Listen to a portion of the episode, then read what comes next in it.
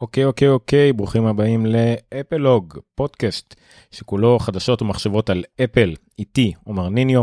אה, זה, זוהי תוכנית 034 תאריך הראשון לדצמבר 2020 ממש עוד כמה תוכניות לסוף השנה המקוללת הזאת.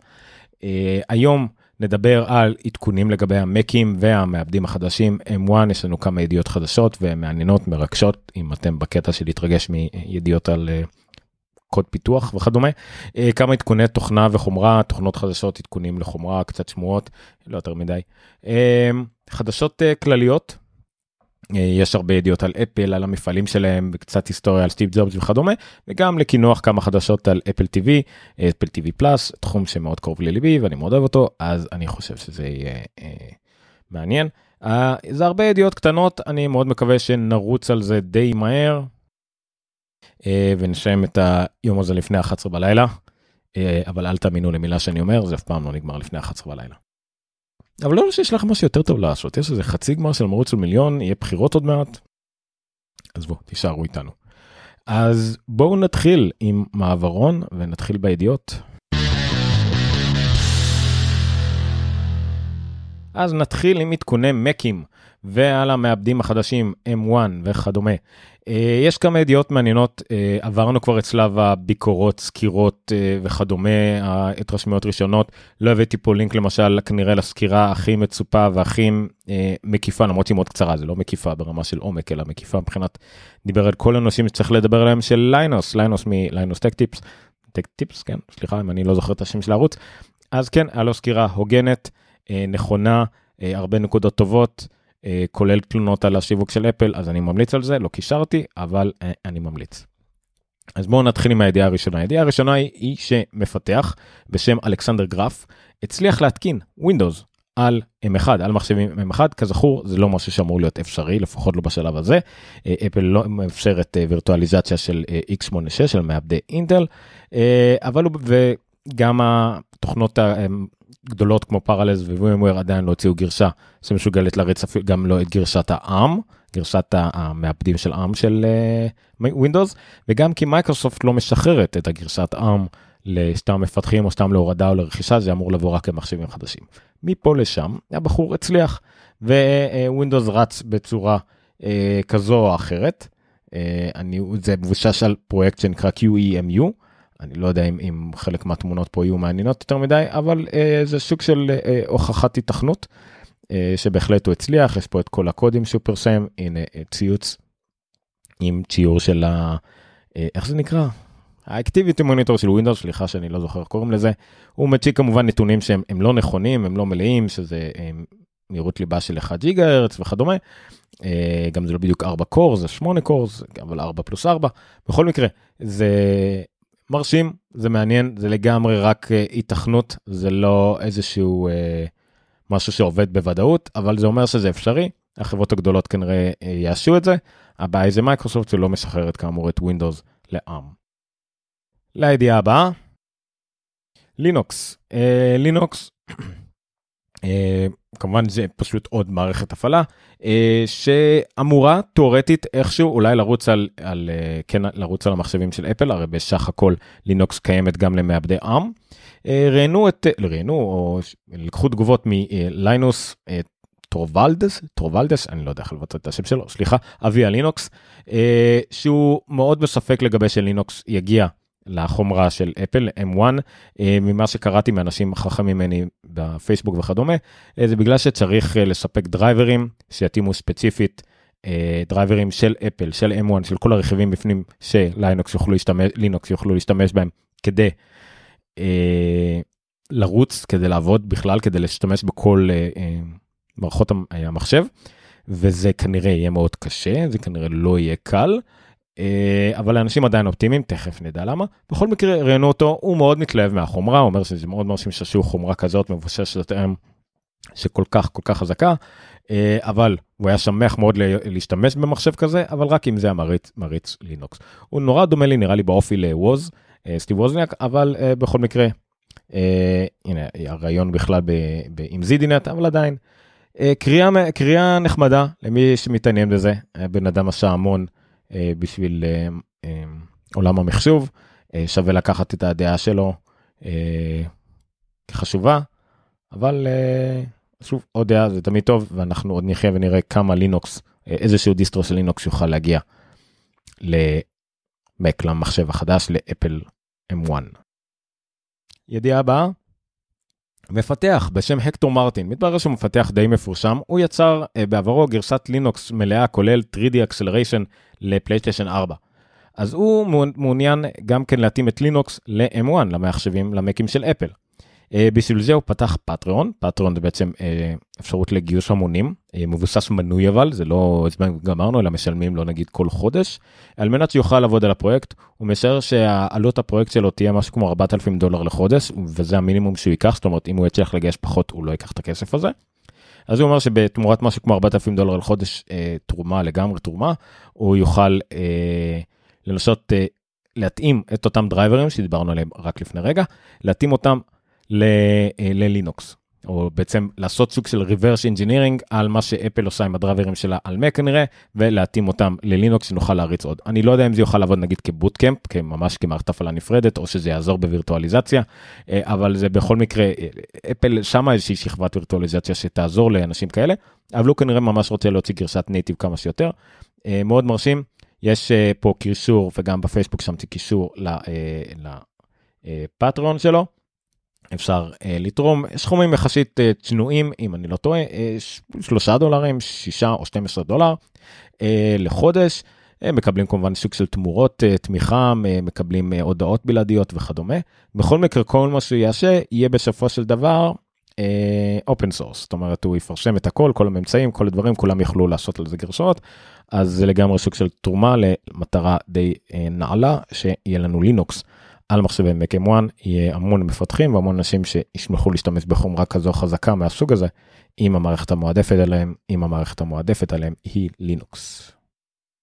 אז עוד ידיעה בנושא על ה Mac-ים החדשים, אפל שחררה מאמרים למפתחים, אז למשל סתם מאמר לגבי ה Rosetta Translation Environment, ג'ון גרובר קשר לזה אז החלטתי לקרוא את זה, לא חושב שהייתי מתעניין אם לא, ממש קצר שמסביר על, על רוזטה, מה מפתחים צריכים לעשות, זה פשוט לגמרי מפתחים פשוט לא צריכים לעשות הרבה זה יתמוך אה, כל מיני דברים שלא תומכים כמו kernel extension או אה, מכונות וירטואליות אה, של x86 אבל אה, בכל מקרה יש איזה קוד קצר שאנשים יוכלו לבדוק אם המחשב שלהם תואם מה שכן אבל יש פה תיאור די אה, מפורט מפורט יחסית בצורה קצרה על אה, שרוזטה זה שכבת תרגום זה לא אמולציה. הבנתי שזה די דומה יש את uh, binary translation ויש jump emulation לא זוכר בדיוק את המונחים אבל תרגום וכזה כמו שבאפל שמבוצע מראש בפעם הראשונה שהתוכנה רצה ואחרי זה פשוט התרגום רץ כל הזמן ולא ולא לא צריך לעשות just in time translation אז זה טוב. ועוד כל מיני מונחים שאני לא ממש מבין בהם אבל המאמר הזה מאוד נתן לי איזושהי נקודת מבט של איך רואים את זה מהצד הפיתוחי של העניין אז זה מעניין. כל הלינקים, כל מה שאני מדבר עליהם יהיו בעמוד הפרק. עמוד הפרק הזה יהיה למשל אפלוג.רפי.מדיה, קו נטוי 034, כי זה מספר הפרק. אז אפלוג.רפי שם נמצאים כל הפרקים, קו נטוי 034, שם יהיו כל הלינקים, אה, כל, ה, אה, כל הקישורים שאני מקשר אליהם, תקצירים, אני על כל uh, כתבה יש לי איזה שתי, שניים שלושה משפטים שאני מפרט, וכמובן כל הדרכים ליצור קשר ולהירשם לתוכנית. ידיעה נוספת בנושא דומה. אה, Docker, Docker זה עוד סוג של אה, שכבת אה, הרצת תוכנות, זה לא מערכת הפעלה בפני עצמה, זה בעצם מאפשר לעשות המון מערכות הפעלה קטנות, Dockers, Docker machines, שעליהם אפשר להריץ דברים. לי למשל יש NAS, כונן רשת עם מלא מלא דיסקים ומלא מלא טראבייטים, שיש עליו תוכנות שמותאמות, זה במקרה שבבי ARM, וזה מערכת הפעלה בלעדית של Synology. שמריצים תוכנות אבל יש כל מיני תוכנה נגיד שלא רצות על זה למשל לא קיים Homebridge שזה מה שאני משתמש כדי לעשות כל מיני דברים שלא עובדים עם HomeKit שכן יעבדו עם HomeKit לא קיים לי Synology באופן טבעי אבל מישהו הוציא אה, Docker אה, התקנה שמתאימה ל Docker שאני יכול להתקין בעצם כמו לינוקס יש לי בעצם כמו מכונת לינוקס קטנה שעליה אני התקנתי את Homebridge ואז בעצם יש לי Docker שהוא כולו רק Homebridge. זה Docker. אה, המון מפתחים משתמשים בזה המון כלים משתמשים בזה כדי ליצור כלים בלי אה, צורך אה, אה, להשתמש במערכת הפעלה שלמה או מחשב שלם אז Docker כרגע לא אין גרסה ל Mac אבל מישהו הדגים שוב איך אפשר להריץ Docker ממש בגרסת אלפא מאוד ראשונית. על ה Mac, הוא הדגים את זה איך זה עובד. שוב, בדיקת היתכנות מלאה, אנחנו בימים המאוד ראשונים של לפחות עשור עם המעבד הזה. אז אה, אנשים בודקים את המים עכשיו, ואני מאמין שבשנתיים הקרובות, זה הדדליין, כי עוד שנתיים יפסיקו למכור מחשבי אינטל, זה, זה מה שאפל הצהירה. אה, בשנתיים הקרובות אנחנו נראה עדכונים אה, גם ל Docker, גם ל Linux, Parallels, VMware, כולם, אולי גם Windows, מייקרוסופט, תאיץ את כל התהליכים, ויהיה לנו בקרוב מערכת שמותאמת גם למעבדים מבוססי ARM, כמו של אפל, וגם יתמכו בכל ה... החומרה של אפל וכל הכלים שאפל שם על ה system on ה chip שלה על ה-M1. אוקיי, עד כאן החלק אה, שקראתי לו עדכוני מקים והמעבדים החדשים. אני אפנה עכשיו לשאלות שלכם, אני אשמח אה, לראות מה כתבתם. עזריאל עם השאלה הקבועה, מתי אתה חושב שאפל תיפטר מהנוטס, מה... איך, אני יכול להגיד נאט, נוטס, זה לא עובד לי טוב עם, ה, עם הליפסה שלי, אבל מהמצח, אוקיי, נקרא לזה מצח של האייפון 12, מתי תיפטר מזה? אני חושב שעניתי על זה באחת התוכניות, באחד השידורים החיים הקודמים, לא הכנסתי את זה לפרק. אה, היא, כשהיא תוכל, כשזה יעניין אותה. כרגע כנראה אין שום מצב שבו היא יכולה לעשות מסכים באיכות שלה, בגודל שלה, אה, ולשים את כל הסנסורים שיש לה שם מאחורי הזכורית נגיד. אם זה הפייס איי-די וכל הדברים האלה, אה, זה המון המון מערכות שלא יכולות להתקיים מאחורי זכוכית כרגע. לאחרים יש את זה, יש מצלמות, יש כדומה, כנראה אפל החליטה, או הגיעה למסקנה שהיא לא יכולה אה, ליצור את זה באיכות מספיק גבוהה, בכמות מספיק גבוהה. לא לשכוח תמיד שבאפל הכמות מאוד חשובה, גם אם הטכנולוגיה הזאת קיימת, גם אם יש להם את הפטנט, אם הם לא יכולים לייצר המון מזה, שיספיק ל-100 ו-200 מיליון אייפונים בשנה, הם פשוט לא יעשו את זה. אז שוב, כשכל הכוכבים ייפגשו במובן של התכנות טכנולוגית בשילוב עם התכנות אה, תעשייתית, לוגיסטית, אז זה יקרה. מתי זה יקרה אם אתה רוצה שאני אתן תאריך? אני לא יודע. כנראה כשהדור הזה של המכשירים אה, מבחינת עיצוב ייעלם. או כשאפל תעזוב את אולד ותהפוך, ל, אה, תשתמש במיקרולד או איזושהי טכנולוגיה אחרת, או שהיא משהו אחר יקרה בתחום המסכים המאוד מאוד קיצוני. אה, אבל כל עוד אפל מסתמכת על פייס איי-די, יהיה לי קשה לראות איך זה קורה, אבל זה כן בהחלט יכול אולי, אולי לקטון, כל עוד המצלמות האופטיקה מאפשרת את זה, אז זה יכול בהחלט להיות יותר קטן, אבל אישית לי זה אף פעם לא הפריע יותר מדי, אה, אבל זה אין ספק שזה מגניב אם זה לא היה קיים. שאלה נוספת, רז שואל אותנו, אה, גם רז וגם עזריאל, יש לכם אה, לוגו כמעט זהה, זה נורא, אבטר מאוד מאוד זהה עם, עם הקטע הזה של עובד אפל. אה, אבל בסדר, אז זה נורא מבלבל. אז רז שואל אותי, מה דעתי על העמק 27 אינץ? אה, לא יודע, יש פה עמק 27 אינץ, שהשומר משך שלו הפסיק אה, משום מה. מחשב מדהים, הבעיה שלו שהעיצוב שלו מאוד מיושן והוא אמור להשתנות כל רגע. המעבדים שלו מאוד חזקים, רק בגרשה מאוד חזקה, בגרשה חלשה יותר כבר ה-M1 יותר חזק, יש לו כרטיסי משך טובים. האוורור שלו סבבה, אבל של העמק פה יכול להיות יותר טוב. המסך שלו מדהים, עדיין נשאר מדהים, אבל שוב, חייב לשנות את העיצוב, אה, אה, אפשרות אה, שוליים קצת יותר קטנות. אני לא ראיתי עדיין, נראה לי בעיניים שלי, את המסך החדש עם האנטיגלר שדומה ל-XDR, אבל אני משער שהוא יהיה מדהים לא פחות. ה-IMAC 27 זה אחד המחשבים החשובים של אפל כתחנת עבודה, כתחנת קצה. אני מאוד מקווה שהוא יקבל שיפור מגניב מאוד בקרוב. אה, אבל נחיה ונראה, אני אוהב את המחשב הזה, אם זה מה שהם צריכים, אין ספק.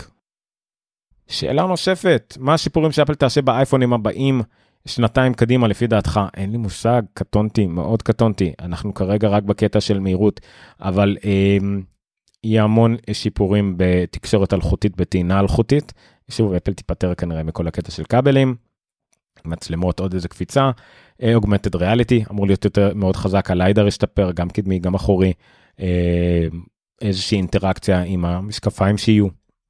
קשה מאוד לדבר על, על הדברים האלה בשנתיים קדימה. אה, אנחנו אנשים שבני אדם הם מתקדמים אינקרמנטים אה, אחד אחד ורק במבט של שנים אחורה אתה יכול להבין את הקפיצה שהייתה. אם תסתכל עכשיו על אייפון 4 וכדומה אולי תבין את הקפיצה אבל כל שנה ושנה ההבדל נראה יותר קטן. אני לא אני לא אדם עם דמיון רב מדי בדברים האלה, אני מעדיף להיות ריאליסטי, אבל אני מאוד מקווה שיהיה לנו כן עוד שנתיים נגיד מסך מלא בלי המצח, אה, יהיה לנו מצלמה עוד יותר טובה שתגיע למצבים אופטיים הרבה יותר טובים. אה, ואוגמנטד ריאליטי, שוב, תמיכה בעיבוד גרפי מספיק טוב כדי שהמשקפיים יוכלו לעשות את מה שצריך, נגיד. אסף היה דיבור על אפל ועולם הגיימינג, חושב שדיבור מבוסס או שמועה חולפת, והמשך שאלה, האם על בסיס ה-GPU המורכב על ה-M1 לדעתך יוכל לשמש כקרש קפיצה למיצים גרפיים חזקים יותר לגיימינג במחשבים. שמע, אפל וגיימינג זה לא סיפור אהבה. למרות שהמשחקים המאוד פופולריים בתחילת עולם ה-PC היו דווקא על מקים, זה מצחיק, קראטקה אני חושב, ואפילו הילו התחיל, ומיסט ועוד כל מיני משחקים, זה דווקא מק היה מחשב מאוד פופולרי למשחקים, לפני 30-40 שנה, אז זה כמובן קצת נעלם. כרגע לא, אפל מנסה את כל ה... כל ההימורים שלה על אפל ארקייד, על משחקים שמבוססים יותר ל-iOS, אייפד OS ועכשיו גם הגיעו גם למקים ועכשיו יגיעו אולי עוד יותר עם השילוב הזה של אפליקציות iOS ואייפד OS במקים, גם ב-tvOS כמובן. אני לא חושב שיהיה פה איזושהי השקעה בגיימינג, יהיה השקעה מאוד במעבדים גרפיים כי זה מאוד חשוב לה, בכלל לעולם וגם לשוק של אפל אבל גם לעולם הכללי, מעבדים גרפיים יכולים לעשות המון דברים. אפל כנראה פשוט תזרוק ליבות אם נגיד כבר השמועות הלא נכונות, שמחשבים הבאים יהיה 16 ליבות גרפיות. אז כן, כשאם אתה שם 16 ליבות גרפיות במקום 8, אתה פחות או יותר מכפיל את הביצועים. זה עד כדי כך פשוט. אתה צריך לדאוג למתח, להספק וכל מיני דברים כאלה, אנרגיות, אבל המעבדים של אפל גם ככה מאוד חסכונים, אז הם יוכלו לעשות את זה. אני לא חושב שיהיה לזה אף פעם ייעוד כגיימינג, לא יקראו לזה בעצם עולה לגיימינג, הם ידגימו את זה. אבל יכול להיות שזה שימוש לזה כי אם אני לא טועה גם גיימינג מבוסס הרבה על אינטראקציות עם OpenGL, OpenGL, OpenCL, על uh, טכנולוגיות שהמפתחים משתמשים בהם שצריך גם יהיה לבהם איזושהי תמיכה יותר טבעית. לאפל יש תמיכה במטאל אז אם המפתחים יעשו משחקים מתמיכה במטאל ומטאל הוא מאוד נייטיב uh, למחשבים של אפל אז זה יהיה מטורף כן.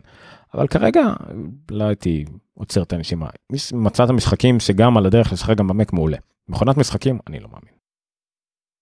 אני חושב שזה השלכות עד עכשיו, ונעבור לנושא הבא אחרי הג'ינגלון ושתייה. הנושא הבא, עדכונים כלליים, עדכוני תוכנה, חומרה, כל מיני דברים חדשים שקרו השבוע. אין יותר מדי, אחרי כל הבלאגן שהיה עם M1 והמחשבים כולם מדברים רק על זה, אף אחד לא הוציא באמת איזשהו משהו מדהים חדש. Uh, למרות ששמעתי שהיום יש משהו עם Fortnite שלא קשור אלינו בכלל נגד אפל ו Free Fortnite וכל השטויות האלה אבל יכול להיות שב-11 נגיד פתאום תהיה לנו האטה מאוד uh, גדולה באינטרנט אבל אולי כן אולי לא נראה. אבל מה בכל זאת קרה השבוע בואו נראה. קודם כל ידיעה uh, שמאוד תשמח uh, חלק uh, גדול מישראלים שגם מאוד אוהבים את Waze וגם אם יש להם CarPlay באוטו מאוד אוהבים את CarPlay אז Waze uh, בקצבה האיטי כרגיל תתמוך אה, סוף סוף בפיצ'ר ה dashboard של אפל ב CarPlay, זה מולטי סקרין דשבורד, זאת אומרת שנוכל לראות את ווייז בכזה תצורה קטנה יותר לצד שיחה נכנסת, הוראות הגעה וגם אה, הקיצורים אה, משמאל, מי שמסתכל בתמונה יכול לראות. זה אה, כמובן בניגוד לשיטה הקודמת שבהם אפליקציות השתלטו פחות או יותר על כל המסך, אה, גם כאילו מבחינה בטיחותית ואתם רק לוגים עכשיו נוהגים עכשיו מה אתם צריכים עוד משהו אבל שורה תחתונה זה הרבה יותר מגניב הרבה יותר נוח. אז ככל הנראה כבר בגרסאות uh, בטא נוכחיות יש תמיכה של Waze ב multi screen מאוד מעולה למר... לישראלים עם uh, בעיות קשב וריכוז ושיחה נכנסת ושוב שמאוד אוהבים את Waze הבנתי שיש עדיין חסרונות מול Google Maps יש גם חסרונות עם האינטגרציה המושלמת עם Apple Maps אבל ל Apple Maps יש חיסרון נגיד בארץ שלא כל כך אה, זה לא כל כך אה, עדיין ממופה כמו שצריך אבל כמו שכבר ראינו אפל יש להם אה, מכוניות שנוסעות כרגע בכל רחבי הארץ אולי זה יעזור. אז זה קודם כל. Waze מסך מפוצל ב CarPlay אז אם יש לכם CarPlay הרווחתם לי כמעט היה CarPlay אבל אז קורונה ואין רכב חדש אז אין CarPlay אבל לא נורא. עוד ידיעה שהיא לא בדיוק אה, עדכון תוכנה או משהו, פשוט ידיעה שמאוד אהבתי.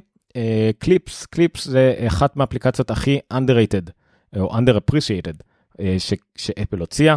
זה למעשה קליפס, זה אם שמעתם על כל הסטוריז באינסטגרם, בטיק טוק והסרטונים שילדים אוהבים לעשות, אבל אז הם מעלים את זה לרשתות חברתיות ולך תדע מי רואה את זה. אז קליפס מאפשר לנו לעשות אותם דברים כמעט אותם שטויות ופילטרים וכיתובים ויש שם כמה דברים מגניבים של למשל זיהוי אה, קול כשאתם מקליטים באנגלית אה, ואז זה כותב את מה שאתם אומרים כל מיני כאלה המון דברים. אה, וזה כמובן עובד אופליין עובד, נשמר הכל במכשיר, ואם אתם רוצים, אחרי זה אתם יכולים לשתף את זה, כמובן ברשת החברתית טובה לכם. אז המאמר הזה, חוץ מהעדכונים, שהיה עדכון ממש מאוד מאוד גדול, קליפ 3.0 ממש עכשיו, עדכון ממש ענק לקליפ ששינה את הכל ומאפשר להשתמש בכל היכולות של המצלמה ולא רק נגיד ריבועי מוגבל וכדומה. אז המאמר הזה ספציפית של ברלי צ'מברס, הוא כותב שמאוד כותב על עסקים וחינוך ל-9 to 5 Mac, מסביר איך הוא משתמש בכלי הזה ללימודים, לתלמידים שלו, איך הם משתמשים בכלים האלה כדי לרענן את כושר הדמיון והיצירה ואיך לעשות תכנים לימודים חינוכיים באמצעות כלים טכנולוגיים מגניבים שלא בנויים באייפד כי זו אפליקציה שצריך להוריד אבל עדיין היא אפליקציה חינמית אפליקציה עם המון כלים מחברת תוכנה ענקית ולא איזה משהו קיקיוני קטן והוא אופליין והוא בלי פרסומות בלי הפרות פרטיות בלי שום סכנה למשתמשים. אז אני חושב שזה רעיון מאוד מגניב ואני מת לנסות את זה ולהמליץ את זה לכמה מהלקוחות שלנו אני חושב שזה בהחלט מגניב. והידיעה האחרונה אה, בתחום הזה, Fitness Plus. Fitness Plus, ידיעה שלפחות באחת מהקבוצות, אה, מתברר שהרבה אנשים יש להם איזושהי בעיה נגד השירות הזה, אני, לא ברור לי למה. אבל Fitness Plus, כזכור, זה שירות שאפל הכריז עליו עוד ביוני, לא, יוני, או באירוע של, או השעונים בספטמבר, סליחה, אני לא זוכר, כבר עבר הרבה זמן מאז. בכל מקרה, כן, כנראה ב, ב, בספטמבר. anyway, זה שירות שיאפשר לנו בעצם מנוי ל... סרטוני כושר, כן, כמו שעת כושר של פעם, אבל עם מדריכים מוכשרים, מדריכים מאוד מפורסמים, שידריכו אותנו בכל מיני סוגי פעילות, בכל מיני סוגי קצבים, ובשילוב עם כל מכשירי אפל שלנו. אם יש לכם אפל וואטס, אז אתם תוכלו תוך כדי השידור, לראות את הדופק שלכם, לראות את הקצב התקדמות שלכם, המדריך יעודד אתכם, אתם תוכלו לעקוב אחרי כל הדברים שלכם וכדומה. זה שירות שיעלה 5 דולר לחודש אם אני לא טועה, הוא גם חלק מאפל 1. סליחה, יעלה 10 דולר לחודש או 80 דולר לשנה, הוא גם חלק מאפל 1 אם למישהו אה, יירשם לחבילה הזאת, אבל המישהו הזה צריך להיות כרגע רק אמריקאי ואולי כמה מדינות בודדות, זה לא יהיה זמין בישראל למשל, אה, לפחות לא בשלב ראשון, אבל מי שיש לו חשבון אמריקאי וגר בישראל, כמוני, יוכל להשתמש בשירות הזה. אה, בשביל שימוש אופטימלי כמובן צריך את השעון של אפל אבל לצפות בתכנים האלה אפשר על כל מכשיר על אייפון על אייפד דפדפן ובאפל טיווי. יש פה בעצם הידיעה הזאת עלתה כיוון שהמדריכים בפיטנס פלאס התחילו לפמפם את המעורבות שלהם בפרויקט באינסטגרם. לכולם יש אינסטגרם עם המון המון עוקבים מכמה אלפים לכמה עשרות אלפים. וכדומה. אין פה איזה מיליונים כן? בכל זאת לא רק חס וחלילה אבל הם מדריכי כושר לא סלבריטי על. אבל עדיין המון המון עוקבים הם אלו סרטונים שלהם כולם מחייכים בצורה לא אנושית לדעתי אבל בסדר. על כמה הם מתרגשים לקראת העלייה של Fitness Plus. אפל הכריזה שזה יעלה עד סוף השנה יש בו גם בחור עם סיפור מרגש בן אדם עם רגל תותבת. מאוד נחמד מאוד teasing כזה של פיזור באינסטגרם פיזור ברשתות חברתיות כ side note לא הבאתי את הידיעה הזאת אבל אפל גם נכנסה חזק מאוד לטיק טוק יש לה כבר כמה מיליוני צפיות על משהו שהם נכנסו אליו רק לפני חצי שנה אז זה גם מאוד מגניב הם השיקה ממש מומחים למדיה חברתית. אז המון המון מדריכים המון המון אינסטגרם המון המון תמונות. Fitness Plus כן לא לכולם גם מבחינה גיאוגרפית וגם מבחינת אופי עם אנשים זה לא מתאים להם אז בשמחה בינתיים זה די עשה רעש טוב בארצות הברית הרבה חברות שמתעסקות בתחום הזה המניות שלהם ירדו וכדומה. אבל זה נחמד, זה תחום מאוד מגניב לאפל שתיכנס אליו, חלק ממניפסט הבריאות שלה, וגם מניפסט השירותים שלהם בתשלום, כי עוד כסף זה טוב, אני משער. אוקיי, זה הפיטנס פלאס. עד כאן, בגדול, לדעתי, כן? כן, עד כאן חדשות. עדכוני תוכנה חומרה, לא, לא היה משהו מיוחד מזה, אני רוצה לעבור לחדשות כלליות מיד אחרי הזינגלון הזה.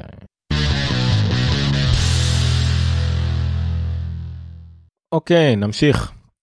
לאמת, האמת, האמת, יצא ככה שיש לנו אה, שתי ידיעות ישראליות אחת אחרי השנייה, ולגמרי במקרה, שניהם על ידי ידידי עידן בן טובים.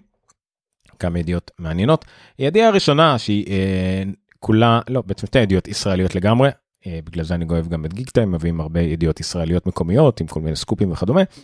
אז הנה, אה, מפת השעונים החכמים בישראל נחשפת מפסגה. אה, אז הם עשו למעשה אה, בדיקה מול כל מיני ונדורים וחנויות ומוכרים לגבי מה המספרים של מכירות שעונים חכמים בארץ. אני עד כמה שהבנתי מדובר על שעונים חכמים, צמידי, צמידי כושר, כל מה שבעצם עם מסך שגם נגיד נותן התראות ואפשרויות בריאות, כולל מהדברים הזולים והדברים היקרים. אה, בעיה אחת היא שזה רק מול ה... נגיד יבואנים רשמיים וכדומה, לא מול אה, יבואנים מקבילים או יבוא אישי, כל האנשים שמזמינים אה, כל מיני שעונים או צמידי כושר ב-10-20 דולר מאלי אקספרס, אז הנתונים האלה לא נמצאים בכתבה הזאת, אבל בכל זאת, כמה נתונים שרלוונטיים אלינו. החברה אשר תפסה את ההובלה בשוק הישראלי היא אפל כמובן, האפל וואט שלה, הוא מחזיק בנתח של עד 30 עד 35 אחוז לפי הכתבה הזאת משוק השעונים החכמים בישראל. זה כשלפחות על פי נתוני קנליש לאפל לאייפון יש, נת... יש נתח שוק רק של 28 אחוז. והשעונים של אפל עובדים רק על אייפונים לא עובדים בכלל על אנדרואיד. זאת אומרת זה אקססוריז למשהו שקיים 28 אחוז מהשוק והוא תופש 30 עד 35 אחוז מהשוק. שזה מאוד מאוד מרשים. אה, להערכתו של עידן, הסיבה לשליטה המפתיעה של אפל, אה, כמובן, זה מהאופי של הצרכנים, שברגע שיש להם עוד מכשירים של אפל, אז החוויה שלהם יותר טובה. אז כן, מי שיש לו אייפון ורוצה להרגיש כאילו כמו לקנות גאדזט בשביל האייפון שלו ולהרגיש יותר טוב עם, ה, עם האקוסיסטמים של אפל ושיש לו אפל יקנה Apple Watch ואולי גם בהמשך יקנה מק במיוחד מק שיכול להריץ את האפליקציות שלו וכן הלאה וכן הלאה. אוזניות AirPods כל הדברים האלה. אז כן אין ספק שככה אה, זה עובד אבל אה, לפני האבל במקום השני יש את סמסונג, סמסונג דווקא כן מובילה בארץ אה, עם ה... עם ה אה, סמסונג מחזיקה בערך 37% משוק הטלפונים בארץ וה Galaxy Watch וה Galaxy Fit, שוב גם הצמידים שלהם, מחזיקים נתח שוק של 25 30%. לא רחוק מאחורי אפל, אבל שוב למשהו שיש ממנו הרבה יותר בשוק וגם השעונים של הגלקסי גם מתאימים גם כן לאנדרואיד אחרים עד כמה שאני מבין, סליחה אם אני טועה, אני לא כל כך מבין בתחום אה, של אלה. אז גם פה אה, הוא מציין שאחת הסיבות להצלחה של סמסונג זה המבצע ה bundle 6 למי שרוכש סמארטפון של סמסונג, אה, מקבל גם שעון בהנחה משמעותית וכדומה. את המקום השלישי יש את גרמין, שזה חדשה מאוד בשוק יחסית ומתמקדת בעיקר בכושר, מחזיקה 12 עד 15 אחוז משוק השעונים החכמים בישראל. אני מכיר חלקית את מי שאחראי על התחום ועושה עבודה מעולה, אז כל הכבוד להגיע למקום שלישי שזה נתח לא רע. וזה כל הכבוד. הם פתחו חנות דגל וכל הדברים האלה, זה גם יפה מאוד. אה, אחרי זה יש את ה Mi Band, שזה של שיאומי, זה באמת הרצועה הזולה, בוא נגיד זה מחזיק לפי הכתבה 7 8 אחוז, כנראה שבפועל יש הרבה יותר מכשירים כאלה, אני קניתי לי סטיק כזה מאלי אקספרס, שעלה לי כלום כסף, אה, דברים כאלה, אז כנראה שזה קצת יותר.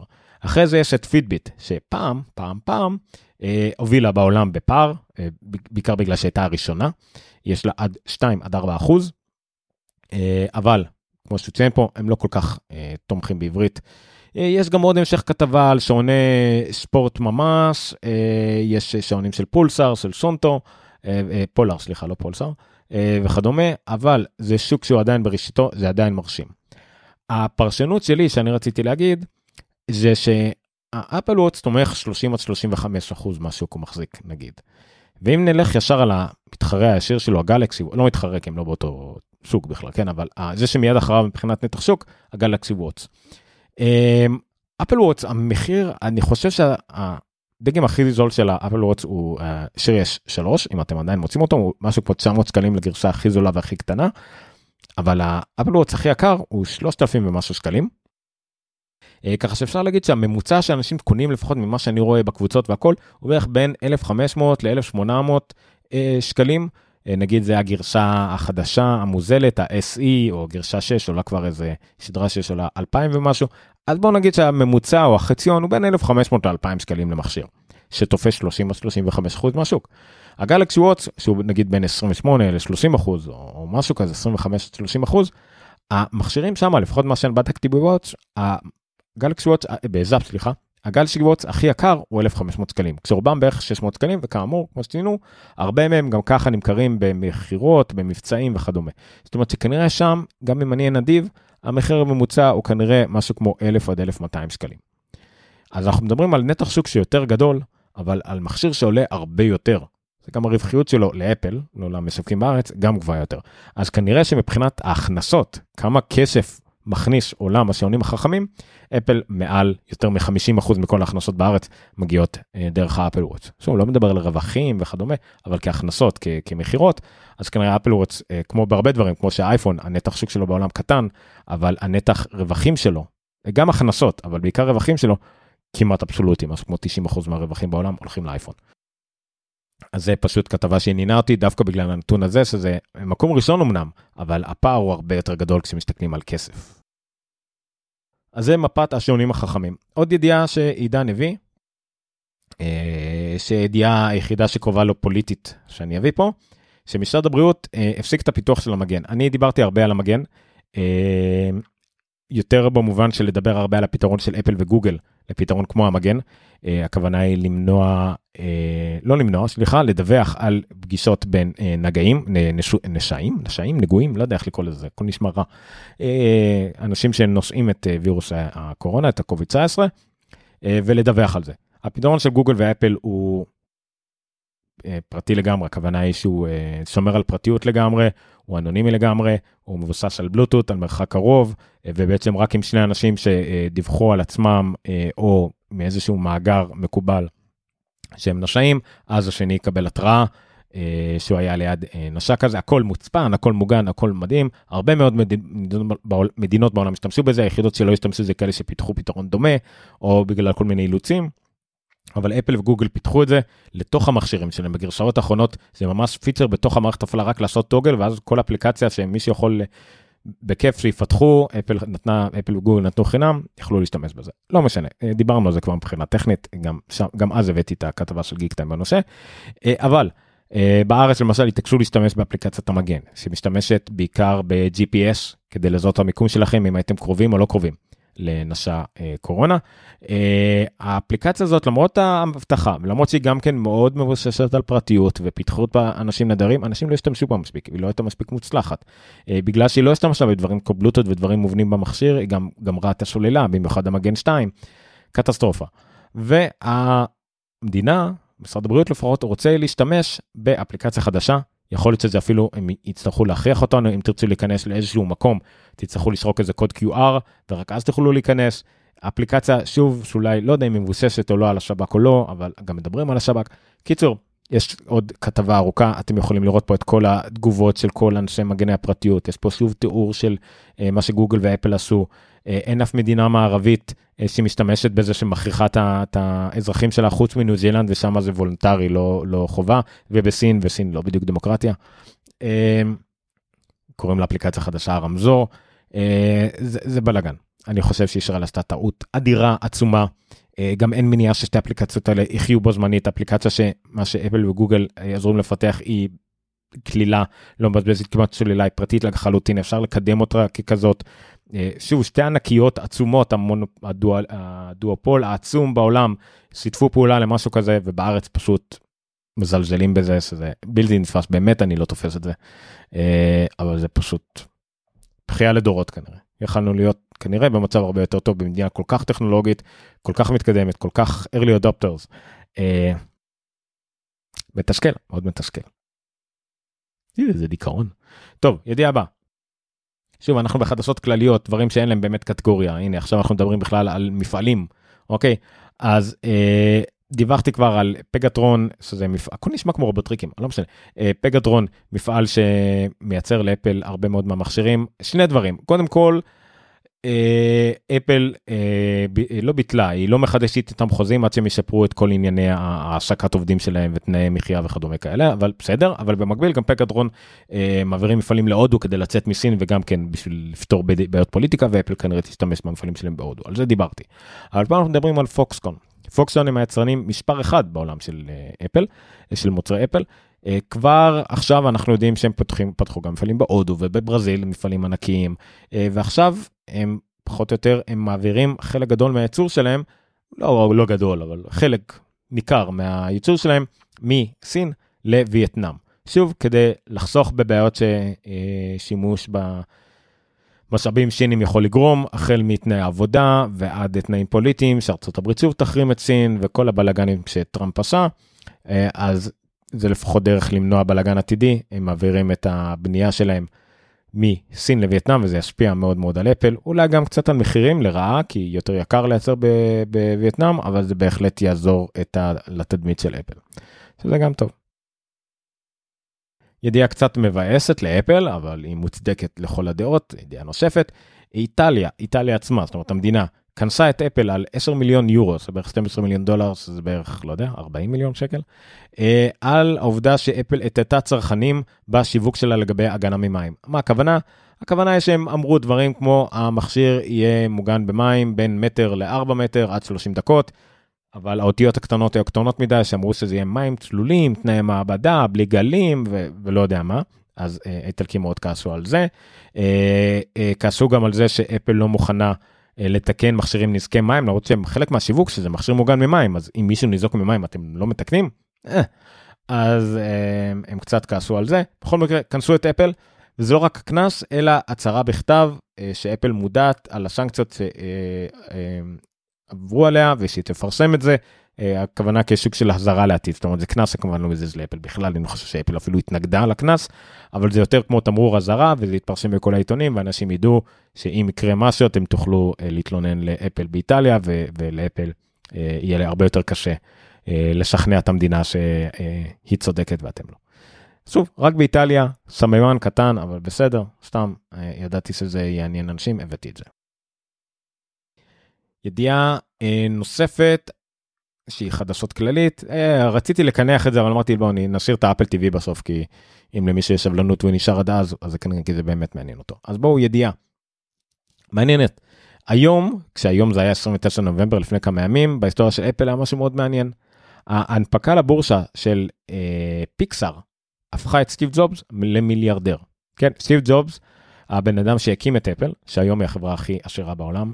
אה, שהציל את אפל למעשה כשהוא הגיע אליה ב-97, 95, 97, לא זוכר, 97, אה, הציל אותה אה, מטמיון, חידש אותה, רענן אותה, הביא את ג'וני, לא הביא את ג'וני אייב, קידם את ג'וני אייב עם האיימק והאייפוד והאייפון והאייפד וכל זה.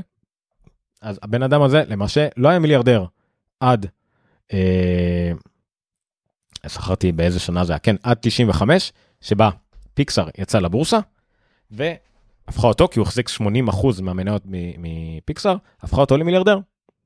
ויותר מאוחר, כשדיסני קנתה את פיקסאר, היא הפכה את סטיב ג'ובס, ולאחר מותו את אשתו, למחזיקי המניות הכי גדולים אה, של דיסני, מחזיקי מניות פרטיים שהם לא חברה או ארגון או קרן השקעות.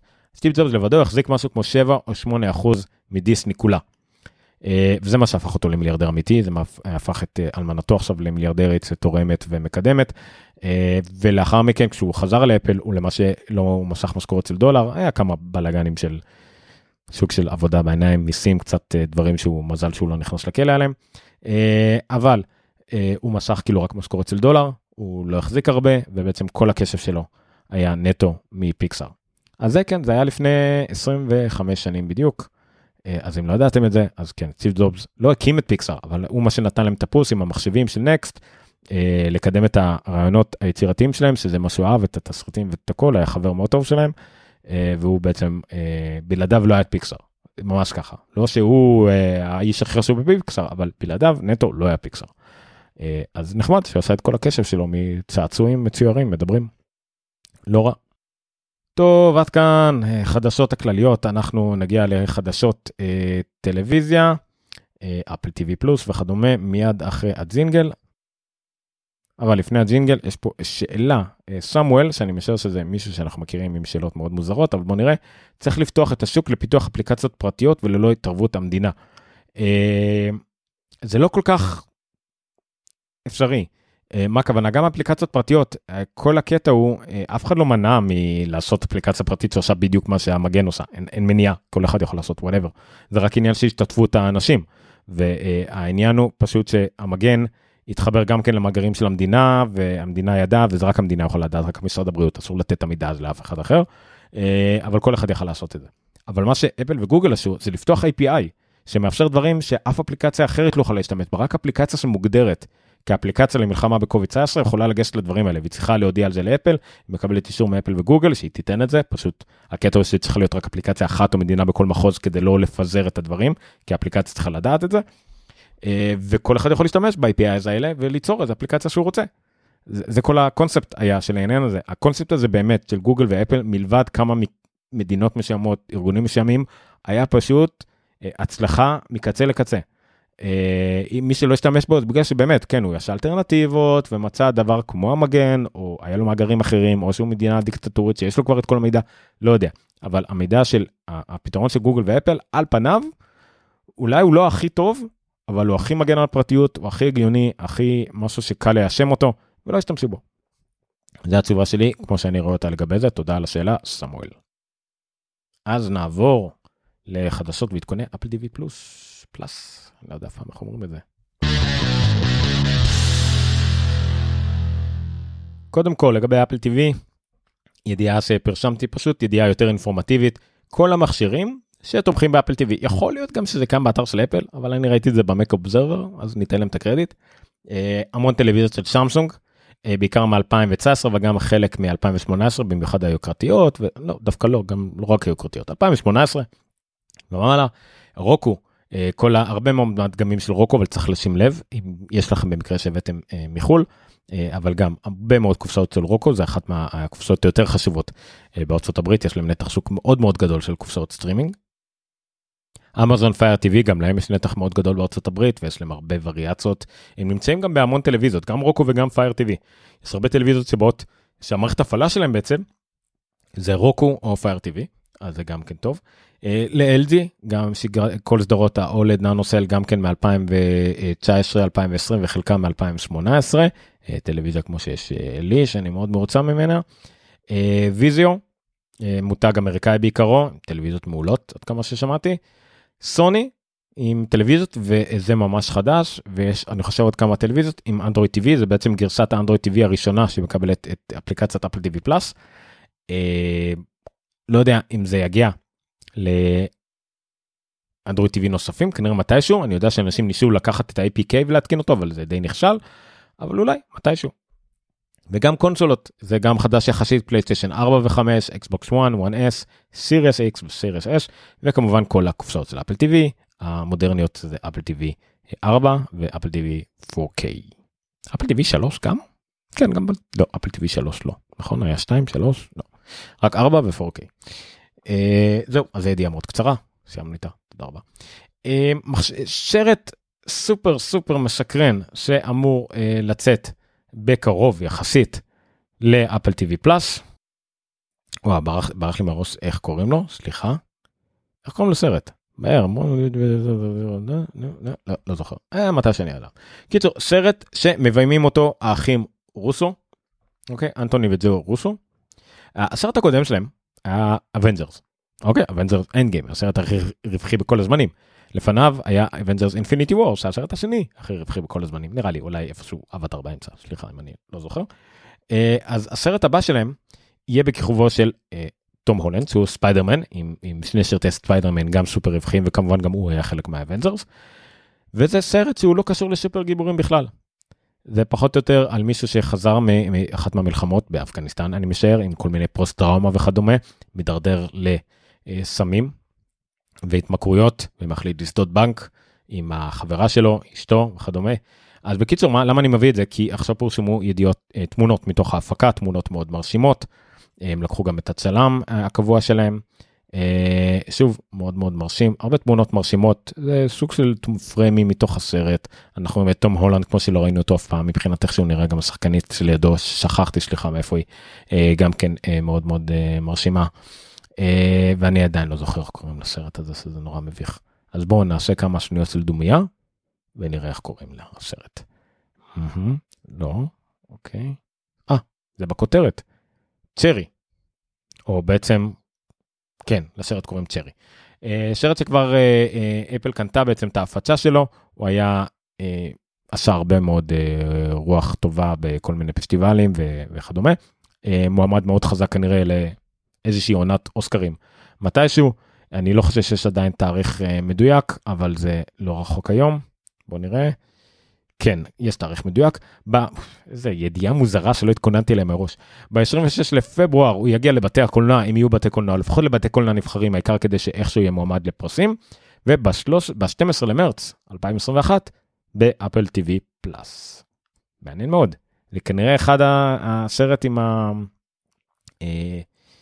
הכי הרבה הייפ שיהיה לאפל TV פלוס בזמן הקרוב. עוד ידיעת אפל TV אחרונה נראה לי, אני לא מאמין שאנחנו מסיימים בידיעה הזאת, במקום לסיים בידיעה על איך אה, סטיב ג'ובס נהיה מיליארדר ואיזה מגניב, אנחנו מסיימים בידיעה על מריה קרי. סליחה. אז כן, מריה קרי עושה ספיישל לחג המולד.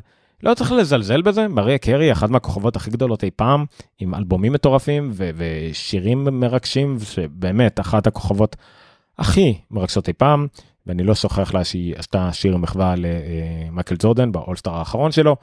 אז כן, יש לה ספיישל Christmas כזה, אמריקאים מתים על Christmas, מתים על ספיישלים, תפאורה מגוחכת, תלבושות מגוחכות, שירים מגוחכים. אה, הכל מאוד מגוחך, אבל מגוחך ומרהיב ו Christmas, ואנשים רואים את זה. אה, בניגוד לנו שאנחנו הכי קרוב לזה היה לראות כל פסח את עשרת הדיברות עם צ'ארלטון הסטון. אה, וביום העצמאות כמובן גבעת חלפון, אז להם יש כל השטויות שלהם של Christmas. אז כן, זה טריילר ראשון ואולי אחרון, כי הש, ממש השבוע עולה הספיישל. אה, כן, ב-4 לדצמבר, עוד כמה ימים. זהו, אז עם זה אנחנו מסיימים, עם מריה קרי. לא ככה הייתי חושב שזה ייגמר. אוקיי, מעברון ונסיים. עד כאן, אפלוג, אפלוג, אני בחיים לא יודע איך אומרים את זה. אה, מספר 034 של הראשון לדצמבר 2020. אני הייתי אומר ניניו. אתם יכולים למצוא את אפלוג בעיקר באפלוג, applog.רפי.מדיה, קו נטוי, אז מספר הפרק 034, או בלי קו, בלי קו נטוי פשוט תגיעו לכל רשימת הפרקים. אנחנו זמינים גם בפייסבוק, יש לנו עמוד פייסבוק, יש לנו קבוצת פייסבוק, פייסבוק שיחות ומחשבות, אה, בטוויטר כמובן זה פשוט אפלוג פודקאסט, אה, בטלגרם יש לנו גם קבוצה וגם channel, ערוץ נראה לי, שאתם יכולים לעקוב אחרינו, כמובן ערוץ היוטיוב. אני מאוד מאוד אשמח אם תעשו subscribe אה, לערוץ היוטיוב זה מאוד עוזר לנו אה, אה, כדי לקדם את זה אני לא יודע איך עוד אני יכול לקדם ביוטיוב כל הדבר הזה מאוד מוזר לי למרות שיש לי סרטון של כמעט עשרות אלפי צפיות אבל בגיקסטר. אה, איפה עוד? תירשמו זה פודקאסט גם בפודקאסטים של אפל לא לשכוח חמש כוכבים ולספר לשני חברים. אה, בספוטיפיי אולי אני יכול לעלות קצת בספוטיפיי אני לא נמצא בדירוגים בכלל באפ, באפל אנחנו מקום בערך בטופ 10 to 20 כל הזמן. ספוטיפיי לא רואים אותי אז אז בבקשה תרשמו ספוטיפיי תדרגו לא יודע מה עושים שם יש גם דיזר גיליתי שכחתי בכלל לגבי דיזר ובכל אפליקציית פודקאסטים אי פעם כי זה בזה אנחנו מאמינים. זהו אפלוג אני אומר ניניו פרק 34 אפלוג נקודה רפי נקודה מדיה קו נוטי 34 אה, מתישהו אני אלמד איך לסיים תוכניות. עד אז ועד התוכנית הבאה תספרו לחברים תודה רבה ולילה טוב. וכן עזריאל סיימנו לפני 11.